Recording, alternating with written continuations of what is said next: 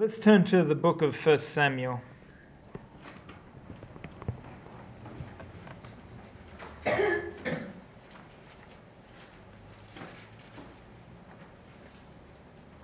First Samuel chapter 16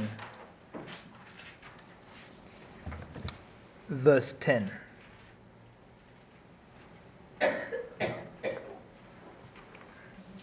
on that theme of while you're turning there of testimonies.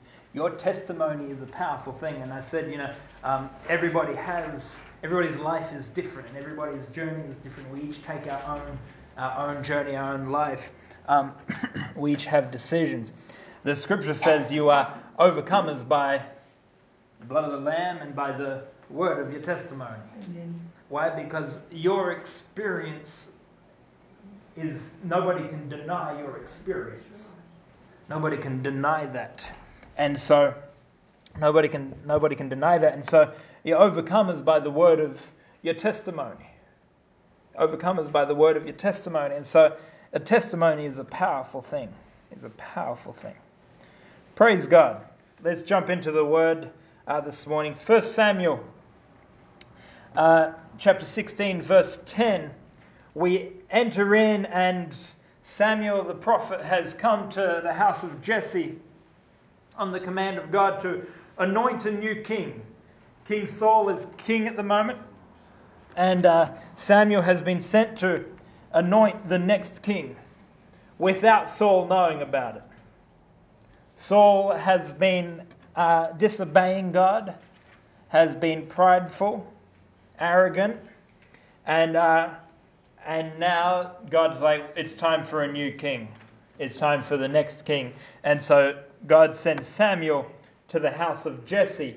A few sons come out, and God says, no, no, no, they, they look great on the outside, but no, uh, not them. And we pick up here in verse 10. Again, Jesse made seven of his sons to pass before Samuel. And Samuel said unto Jesse, the Lord hath not chosen these. And Samuel said unto Jesse, Are, are here all thy children?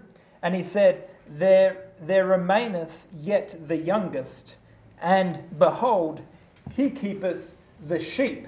And Samuel said unto Jesse, Send and fetch him, for we will not sit down till he come hither send and fetch him. Samuel goes knowing one of Jesse's sons is going to be anointed the next king. And when it appears all the sons have come through, when it appears they've all come through, uh, Samuel says, Well, God said no to all these. There has to be another. there has to be at least one more.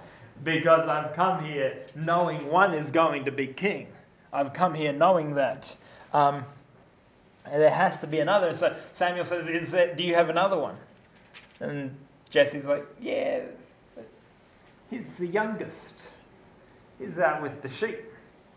Samuel says, Well, go get him, and we ain't sitting down till, till he comes.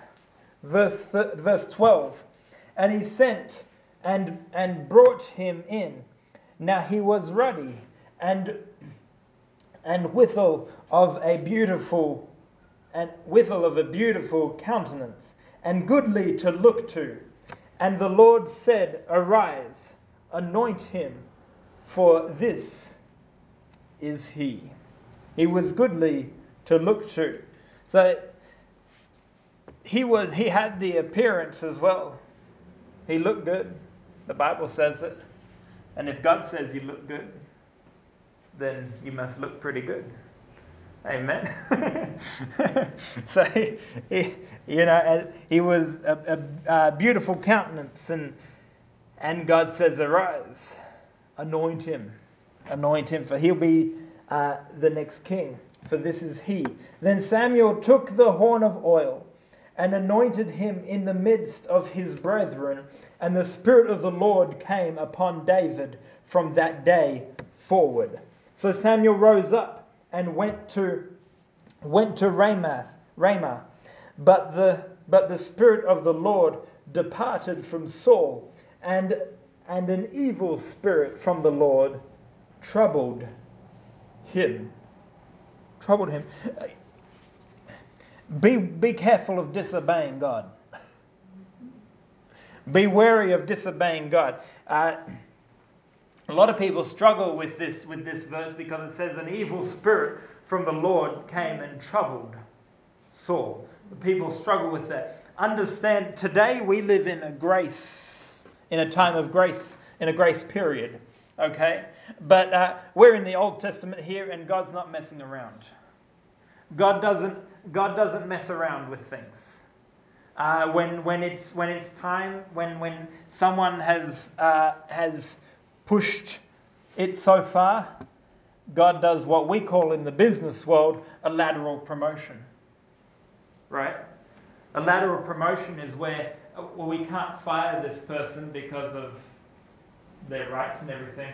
We're just going to promote this person sideways to get them out of the way right? We're just going to move them sideways, and uh, that's called a lateral promotion. And so God's like, well, David's not yet ready to be king. We're just going to move Saul sideways and start moving him out of the way, right? And so an evil spirit from the Lord comes and troubles King Saul. And troubles King Saul. And the Spirit of God was lifted off of King Saul. Praise God, I'm very glad and grateful that we uh, live in the time of grace, of God's grace. But God wasn't messing around here. Saul, if you read through the history, Saul had disobeyed God uh, and, and had gone against God's will uh, quite a bit, and, and all, all for his own motives, all for his own reasons. Um, started off okay as king but Saul had disobeyed God for uh, the last time. Um, and God was preparing the next king. Verse 15 And Saul's servants said unto him, Behold, now an evil spirit from God uh, troubleth thee. Let our Lord now command thy servants, which command thy servants which are before thee, to seek out a man who is a cunning player on a harp, a cunning player of the harp. And it, and it shall come to pass, when the evil spirit from God is upon thee, that he shall play with his hand, and thou shalt be well. Verse 17. And Saul said unto his servants, Provide me now a man that can play well, and bring him to me.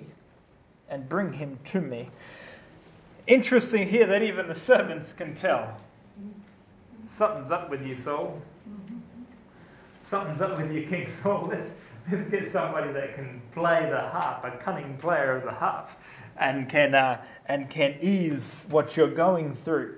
You have to have gone quite a ways uh, for you to recognize and for your servants and people around you to recognize that an evil spirit from God has come upon you and yet you do nothing about it except try to take care of the symptoms. Because Saul continues down the same path if you continue to read on into uh, the book of Samuel. Um, Saul continues down the same path. Verse 18 Then answered one of the servants and said, Behold, I have seen a son of Jesse the Bethlehemite that is cunning in playing and a mighty, valiant man, and a man of war, and prudent in matters, and a, and a comely person, and the Lord is with him. Wherefore Saul sent, sent messengers unto Jesse, and said, Send me David, thy son, which is with the sheep.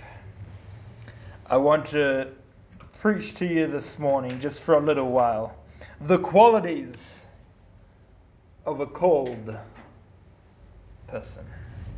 The qualities of a called person.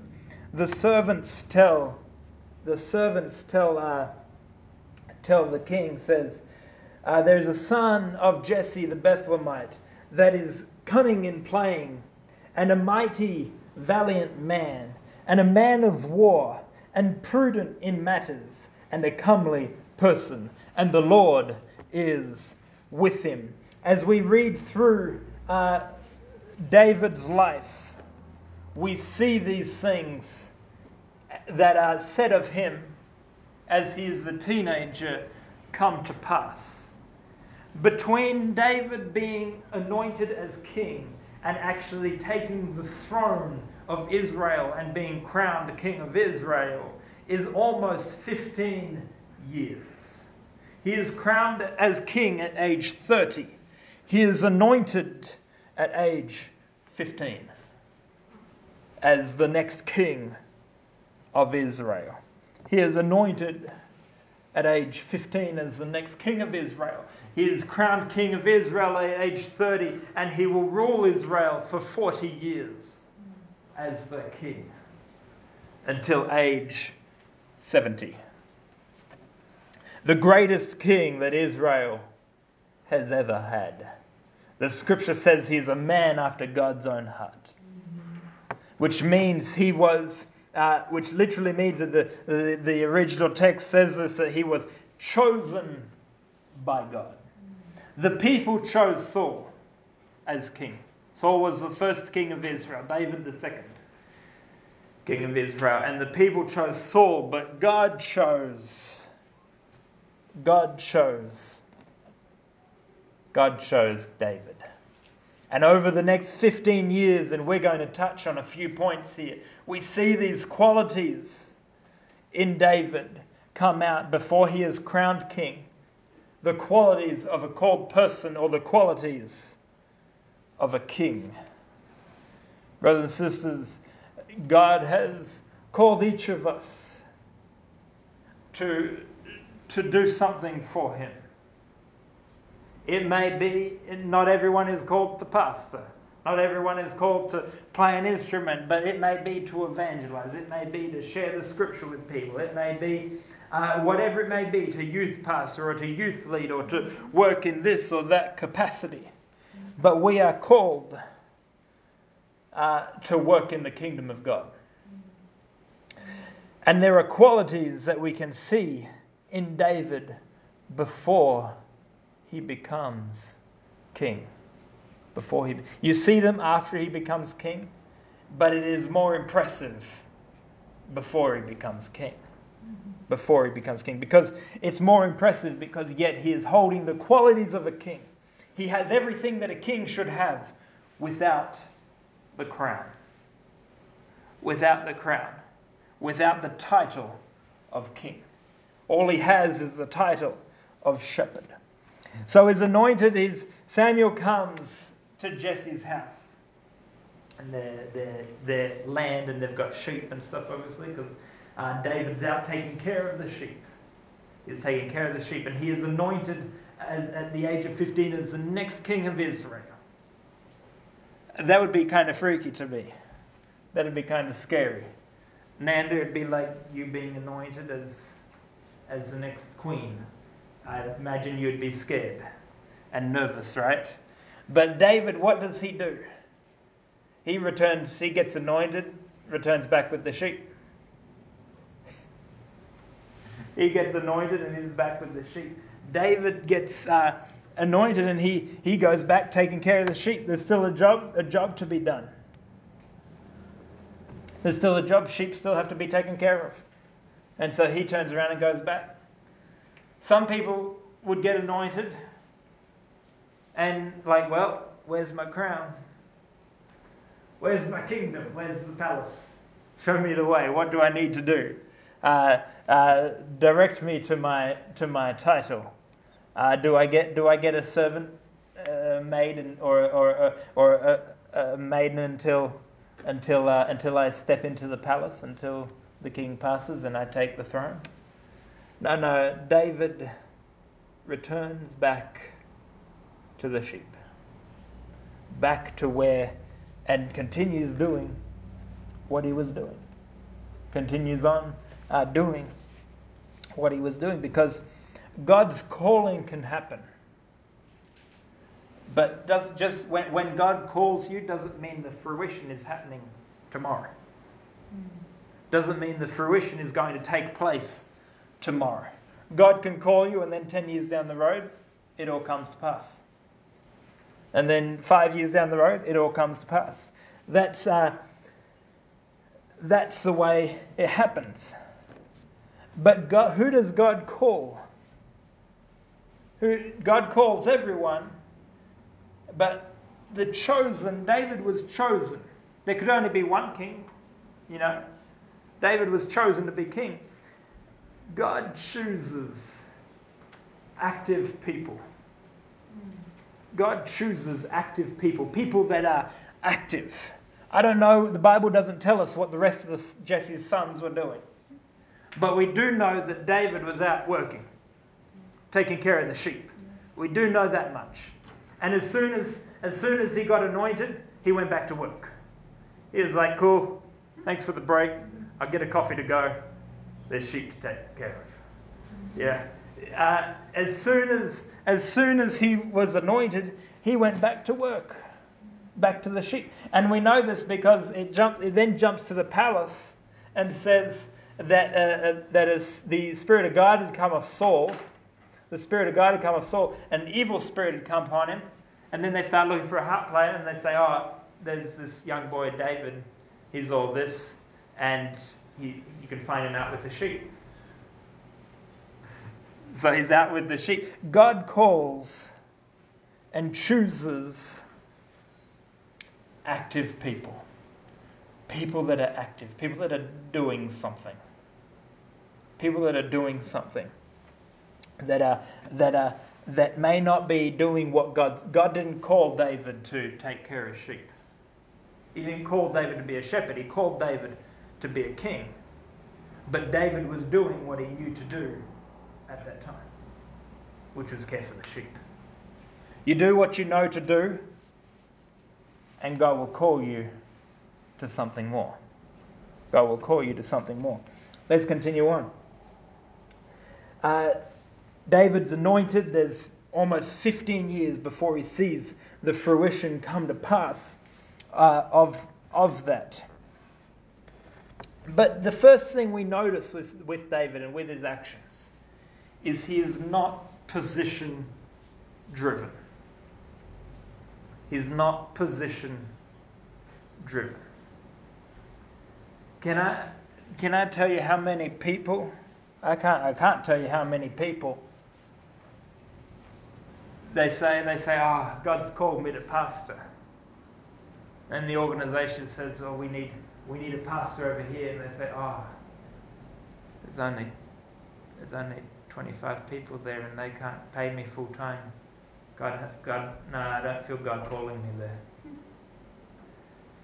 Literal words out of people's mouths. The quality of kings and the quality of called people, one of the first qualities is they are not position driven. They are not position focused. Like the scripture says, I'd rather be a doorman in the kingdom of God than a prince in the kingdom of Satan. I'd rather just hold the lowest position in the kingdom of God and be in the kingdom of God, in the presence of God, and just be a doorman.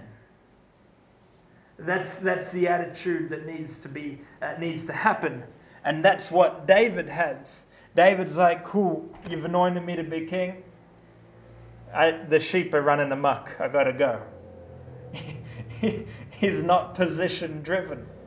He's, he's, he is not. He, he, he, you could have anointed him to be anything, and he would have gone back to take care of the sheep. One of the first qualities of somebody that God calls is that their driving, their focus is not, their driving factor is not well. What's, what's the title again? What did you say? Did you say king? Okay. I'll accept that. How many servants are there in the palace, though? That's not that's not uh, David's focus. The servants say David was a comely man. A comely man.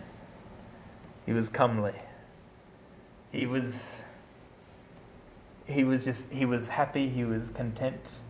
If God, if you've called me to be king, I'll be king. If you've called me to be someone that makes coffee, I'll make coffee. Whatever you've called me to do, God, I just want to serve. That's, that's the qualities of a king. That's the qualities of a king. Now, David is asked to play the harp. Can you serve someone whose position you're supposed to be taking? Can you serve someone? Can, and this is this can this can trip a lot of people up and this can be tough. This can be hard. But David, he's been anointed to be king. And now he's been asked to come and serve the king. The king's going through some hard times. David, it would be easy for David to be like, no, no, he brought, he, he brought this on himself. This evil spirit, he shouldn't have disobeyed God. He brought this on himself. I know what's happening here. God's about to remove him and put me and king as king. Uh, do you want me to go tell him, or, or should you go tell him? You know, God's God's going to remove him. So I don't want to interrupt the work that this evil spirit is doing to get rid of the king that God doesn't want king anymore, because God wants me as king. I don't want to interrupt that. But that's not what David does. David goes and sits at the foot of the king, most likely, while the king's laying there trying to sleep, and plays the harp for him. Uses his skill set to try and help the king stay in that position as king, in the position that God has just anointed David for. This is the quality of a king. This is the quality of a king. It would be difficult. It would be difficult. It would be difficult to work in that situation, to work in that scenario, to work in that setting. Realizing the whole time God's anointed you to be the next king of Israel. And meanwhile, you're serving the king. But that's the attitude that David had.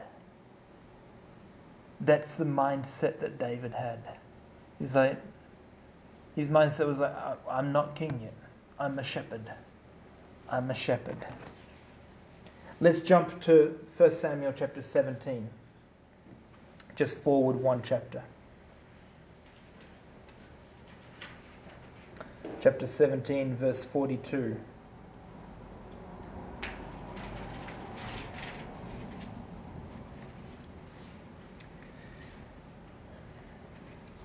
So here we open up. David has gone forward.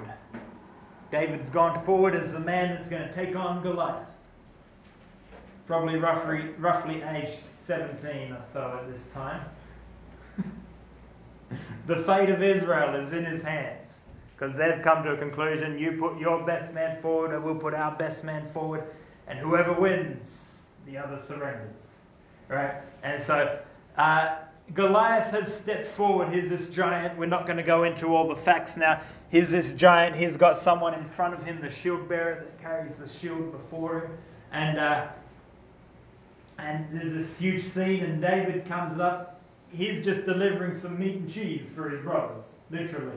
And he hears Goliath shouting and cursing Israel and, and making fun of uh, making fun of God and all this stuff, and no one's going out to challenge him. And you do this every day. You do this every day. And David's like, Who is this uncircumcised Philistine that dares come against our God? And, uh, and he's like, I'll go challenge him. I'll go face him. And everyone tells him, Don't be stupid. Get, get down. Don't be silly. Don't be crazy. And uh, even King Saul says, King Saul says, No, no, no, you, you, you can't do it. And when there's no persuading him, King Saul's like, well, put on my armor. Put on my armor. And David says, no, no, I can't. Uh, he tries it on, but he says, I can't wear your armor. I just need to go out with what I have. And we read about that David goes and get five, gets five smooth stones uh, from a brook. And uh, there's a very logical reason why he got five stones. Because there was Goliath, but David knew, and Goliath was a man of war since his youth. David knew that Goliath had four brothers. So David said, Well, I'll get five stones. One for Goliath, and then if his four brothers show up, one for each of them. That's literally what it was. Um, David was like, I just need one stone per giant, and I'll take them down. Um, and so, and so here we pick up. David's gone out there with his five stones, and Goliath is out there. And Goliath is looking around. Verse 42.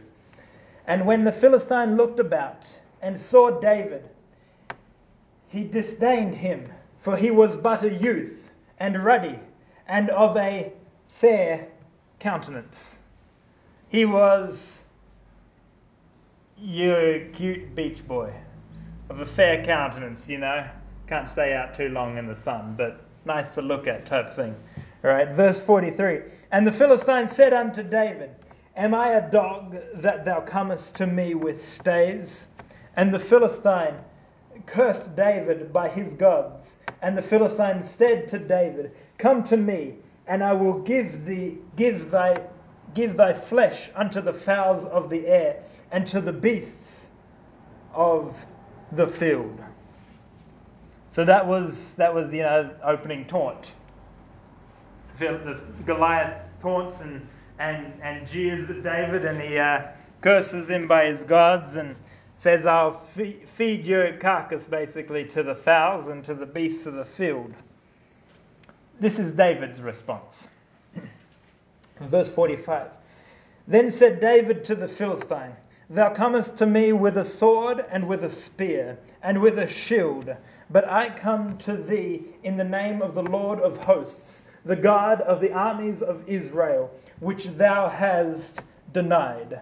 This day will the Lord deliver thee into mine hand, and I will smite thee and take thine head from thee, and I will give the carcass of the host of the Philistines this day unto the fowls of the air and to the wild beasts of the earth, that all the earth may know that there is a God in Israel.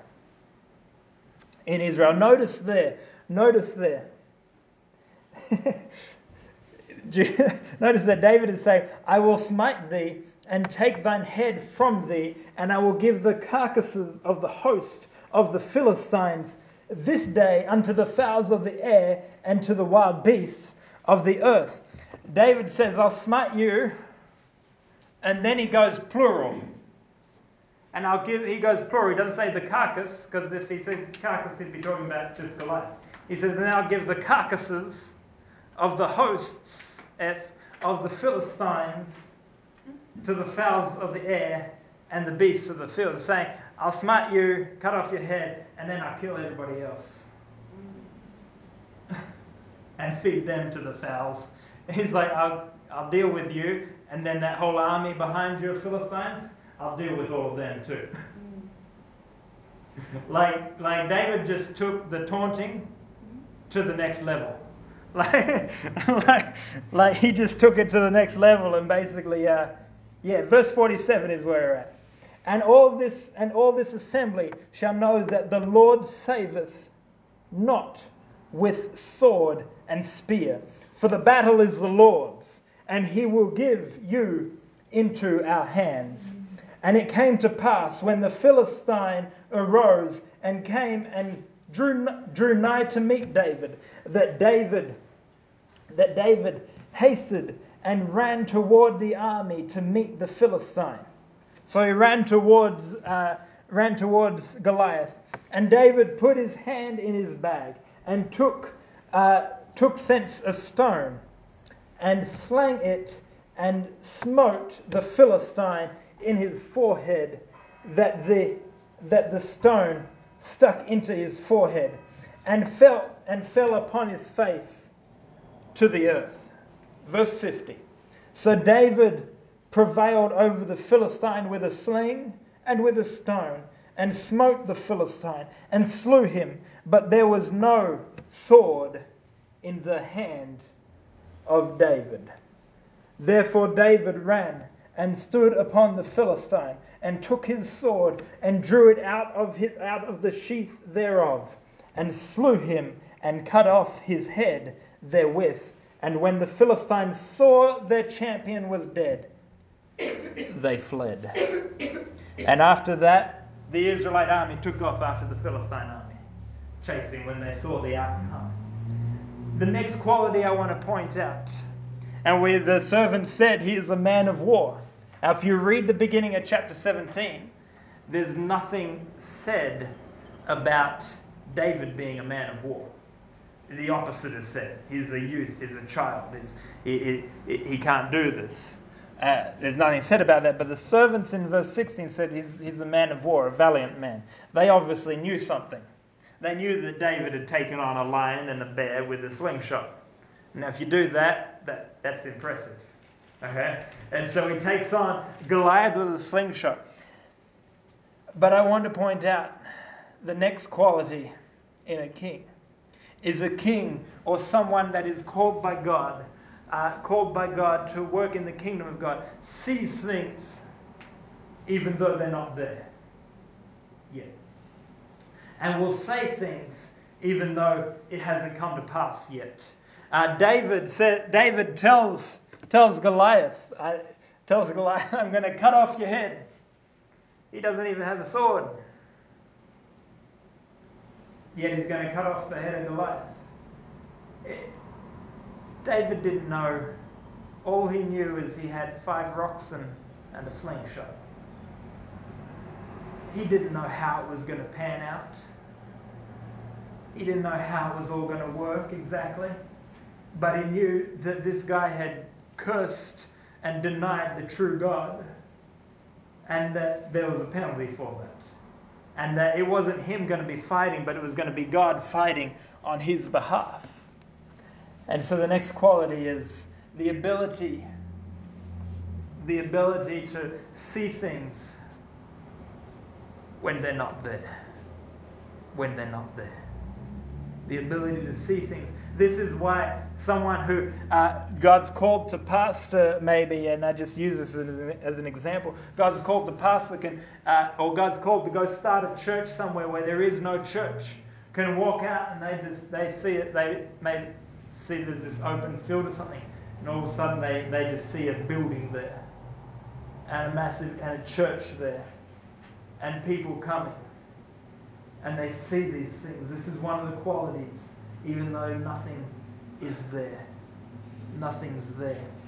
They've never preached at a, at a big event or anything like that, or even testified at a big event, but, but they see God calling them in, in that direction. They see God calling them in that direction. They, and they see people being filled with the Holy Ghost. They see people getting baptized. They see all this. David looked out. He, he didn't have a sword, but he said, I'm going to cut off your head. And I can tell you something, you're not going to cut off someone's head with a slingshot. It's not going to happen. But in the moment that he that Goliath fell, David saw and it, what happened and it all came to fruition. He ran, took Goliath's sword, and took off Goliath's head. I don't know what the shield bearer was doing at this time, if he just watched David run past. I don't know what was happening exactly.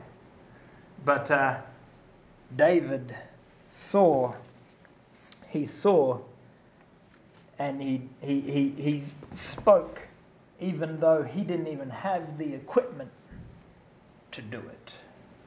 He didn't even have the equipment, he didn't even have the sword to do what he was talking about doing. He turned down the King, King Saul's armor and, and, and, and weaponry. He turned that down. He turned that down. And after that, and after that, they go through the streets of the city, King Saul and David, and the chants begin. The chants begin. They say, Saul has slain his thousands, and David his ten thousands. Saul has slain his thousands, and David is ten thousands. In truth, David had only slain one man, Goliath, but had saved the nation of Israel. And so, here, the next quality of a king, someone that's called, is the ability to handle recognition and the ability to handle uh, blessing and the blessings of God and the recognition of people. It's one thing, it's one thing to be humble when you're having a hard time, when life is constantly putting you down. It's one thing to be humble. It's another thing, and it's a harder thing, to be humble when you're doing really well. When people are literally chanting your name as they were for David. When the streets have flooded to come and see you. But the quality of someone that is called, of a king, is the ability to handle recognition and to be humble in that time. Let's turn together to 1 Samuel and I close with this last portion. 1 Samuel verse uh, 1 Samuel chapter 24. This is all before David has even become king. So, David handled the chanting. Saul has slain his thousands and David his ten thousands. Saul didn't handle that. He wasn't happy. He went after David and tried to kill David uh, several times. And here we read uh, of Saul. He's after David one more time. He's after David again. And, and now David, who David, who who killed Goliath, has now fled into the land of the Philistines and is actually living in lives in Ziklag. And I've preached about that quite a, a little bit ago. You know, Ziklag, and that's where Ziklag gets burnt down and all that. And we're piecing this all together. This is all yet before before um, David has become king. Chapter 24, verse 1. And it came to pass when Saul was returned from following the Philistines that it was told him, saying, Behold, David is in the wilderness of Egodi. Engedi. There we go. Then Saul took 3,000 chosen men of all Israel and went to seek David and his men upon the rocks of the wild goats. Of the wild goats it's just it's just like David and a band of men, a few men, kind of like Robin Hood and his merry men type thing, right? They're hiding out. They're hiding out. I personally feel 3,000 men is a bit of an overkill, but that's how serious Saul is. Saul chooses out 3,000 men of Israel to seek after David and his men. Verse 3 And he came to the, to the sheep the sheepcotes by the way where was a cave.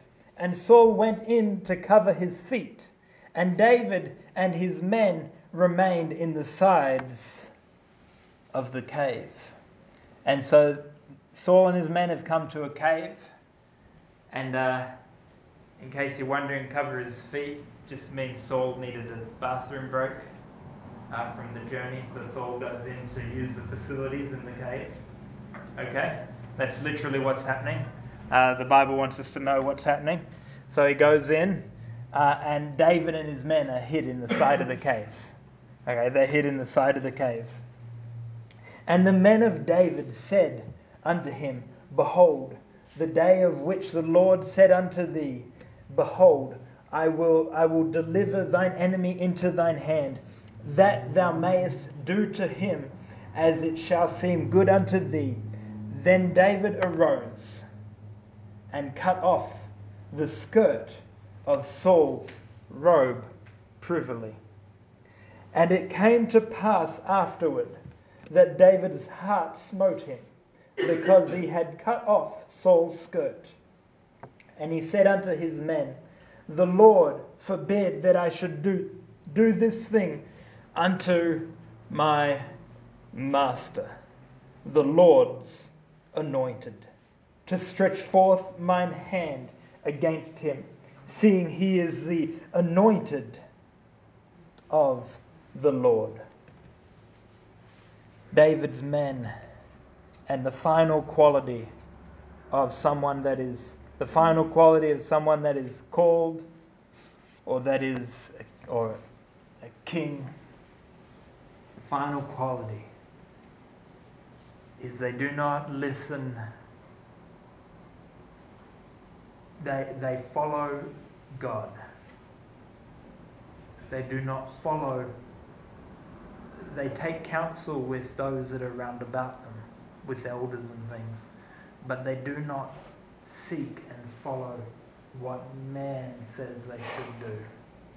David's men, David's men said, This is your opportunity. This, they even said, This is the moment God was talking about. Go kill him. Go kill him. This is what God. This, God is obviously prepared this for you. God has planned. And it would be easy, it would be very easy for us. You know, to read and say, yeah, God laid this all out for David. Planned this all out. This is mm-hmm. David's opportunity. He will now become king. And his men say, go, go kill him. And David goes and just cuts off a hem of his robe a hem of his skirt, of his, of his robe, and then instantly gets pricked in the heart, instantly afterwards, and says, I shouldn't, I shouldn't have done that. And he says, I, I shouldn't have cut off the skirt. And he calls him his master. He says, Unto my master. I shouldn't have done this thing unto my master the Lord's anointed. The Lord's anointed. Even though this king is out to try and kill David, do all this stuff to David, get rid of David, all this. David says, I should not have lifted my sword against the Lord's anointed one. The quality of someone that's called is they don't, they're not concerned about what the situation may be like. They're not concerned that this person may be doing this or that, or, and their people are saying, you know, his men said, This is your opportunity. He said, No, no. The king won't die by my hand. That is not how I will take the throne. That's not how I'll take the throne. And years later, we read about Ziklag and it being burnt down, and afterwards, Saul's in battle and he dies at the hands of the Philistines. And and David takes the throne. But you know, it's so easy, and if we could have some music, it's so easy to uh, when God calls us and we feel a calling on our life, to get caught up in one of these areas. We either fly one way or the other. But God wants us to just, you know, when I felt a call to pastor, I was 14 years old. Doesn't mean that at 14, I needed to walk around like I was something. I was just still a teenager, messing up and doing my thing, you know, mess, messing up, causing grief to mum and dad, probably. But uh, that's when I first felt the call. It was 10 years. It would be 10 years later, at 24, when when that call would come to fruition. But it's in that time in between that challenges are placed before you to see what will happen. What will happen. As a church, we've we've had visions and we've we, we, we believe that God is building a great church here and growing the church. But between now and then, there are things that we as a church will face. And our decisions and our reactions will affect the outcome. Will affect the outcome. King David, 15 years from being anointed to taking the throne. 15 years. But the people knew, you see, his men, I could only I can only imagine if I was one of his men and I saw David only cut off his skirt and then feel really bad and then tell his men, no, I shouldn't have done that. If I was one of his men, I would have been like, I can't wait for this person to be king because he'll be such a merciful, great king. Because if he shows mercy to him, I know he'll show mercy to me if I ever mess up. And so David, even without being king, he had the qualities of a king. Let's stand together this morning.